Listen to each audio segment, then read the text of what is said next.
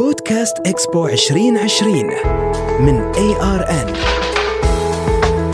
اسمي عهود الخولاني. أقدم بودكاست إكسبو 2020 دبي. أسافر فيه معكم لأتناول خيالاتي وتجاربي المختلفة في الحياة. هذا البودكاست مقدم من ARN وهذه الحلقة بعنوان مذاقات عالمية.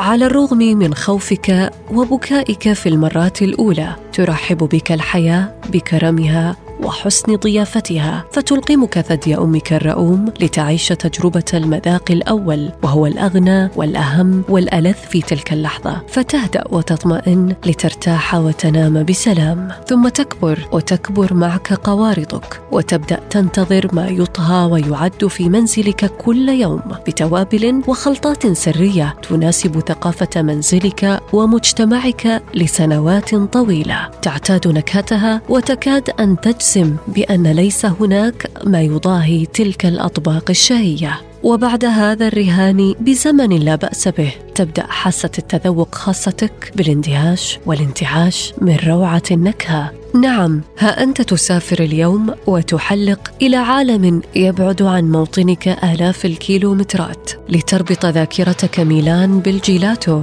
وباريس بالمخبوزات وبرشلونة بالباييا وطوكيو بالسوشي الذي قد يقدمه مطعم أو شيف حاصل على نجمة ميشلان فتزيد تجربتك القا وجمالا. وعلى اختلاف وتباين تجارب المذاقات. تجتمع نكهات العالم بأسره في بقعة واحدة من مدينة دبي لتدلل محبي الطعام بأنواعه وتقدم لهم تجربة أكلات ومشروبات تزورنا لأول مرة في إكسبو 2020 دبي. فتشارك المطاعم الزوار ثقافتها من مطبخها الخاص بحوالي 200 مطعم في قلب الحدث بمبانيها الخاصة وفي شارع الأطعمة بل ومتوزعة في أروقة الأجنحة. فيحظى الزائر بالسفر مثلا من اليمن متناول متناولا مندي مراحب ملتقطا بعدها قطعة الدونت من بريد أهد بيكري في لندن والتي خبزتها يدي في تجربة شخصية. وصولا إلى عام 2320 بتجربة مجنونة للطعام مستقبلا باستخدام عنصر الذكاء الاصطناعي.